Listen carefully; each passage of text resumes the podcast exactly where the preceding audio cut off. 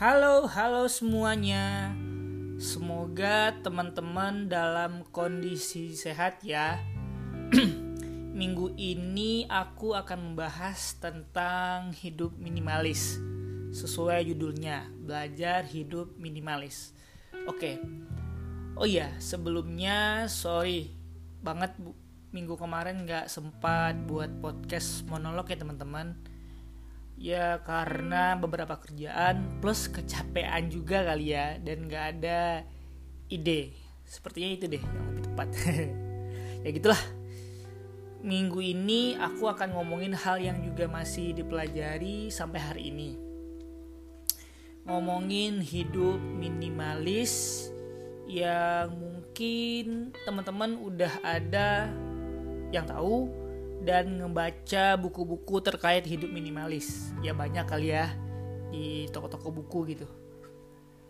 Ya mungkin beberapa masih ada yang belum tahu ya nggak apa-apa. Kita sama-sama belajar aja biar enak aja gitu. Eh kayak ngoceh gitulah pokoknya. hmm, jadi menurut Yayo hidup minimalis itu apa? Itu pertanyaan pertama. Pertama sih menurut aku ya sekali lagi ini menurut hal yang aku lakuin aja ya ini belum tentu benar dan belum tentu salah ya gitulah menurut aku pribadi hidup minimalis itu adalah sebuah konsep dalam hidup yang meminimalisir hal-hal yang dirasa tidak perlu atau tidak terpakai lagi. Beberapa orang banyak yang ngira hidup minimalis itu ya beli barang-barang murah aja. Hmm bisa juga sih kalau emang barangnya tetap bisa digunain dalam jangka waktu yang lama. Tapi kalau beli barang murah eh baru kepake seminggu udah rusak gitu ya sama aja bohong dong sebenarnya. Aku belajar ini juga dari YouTube sebenarnya. Dari ya teman-teman tau lah Bang Raditya Dika.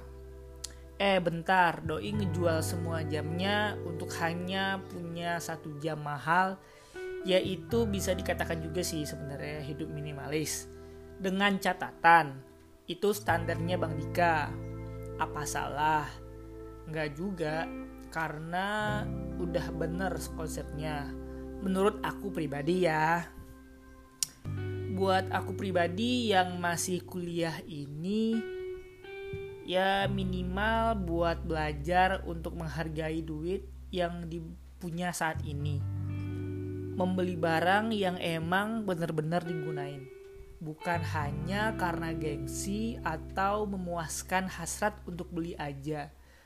Aku jujur juga lagi belajar sih sebenarnya hal ini karena dulu masa sekolah ya gitulah nggak ngitung duit eh tahu-tahu boros.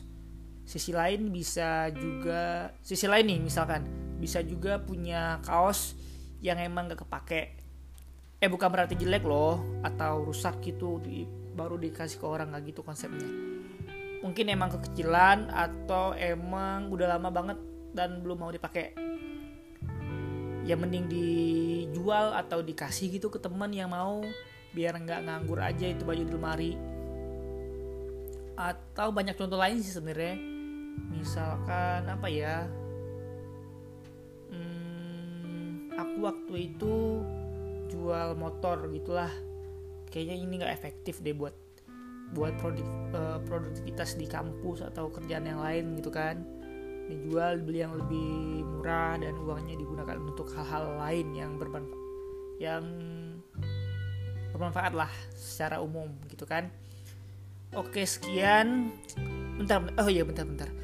Menurut teman-teman hidup minimalis itu seperti apa ya? Yuk sama-sama belajar. Kita sharing aja gitu. Bisa lewat DM Instagram kalau mau loh. Hmm ya udahlah segitu aja opini Yayo minggu ini gak usah panjang tapi semoga bisa kesampaian apa yang ada di otak aku. Udah gitu aja sih nyampein apa yang ada di otak. Mau bener mau salah ambil yang baiknya aja. Kalau nggak baik ya nggak usah diambil gitu loh. Sampai jumpa minggu depan dan dadah.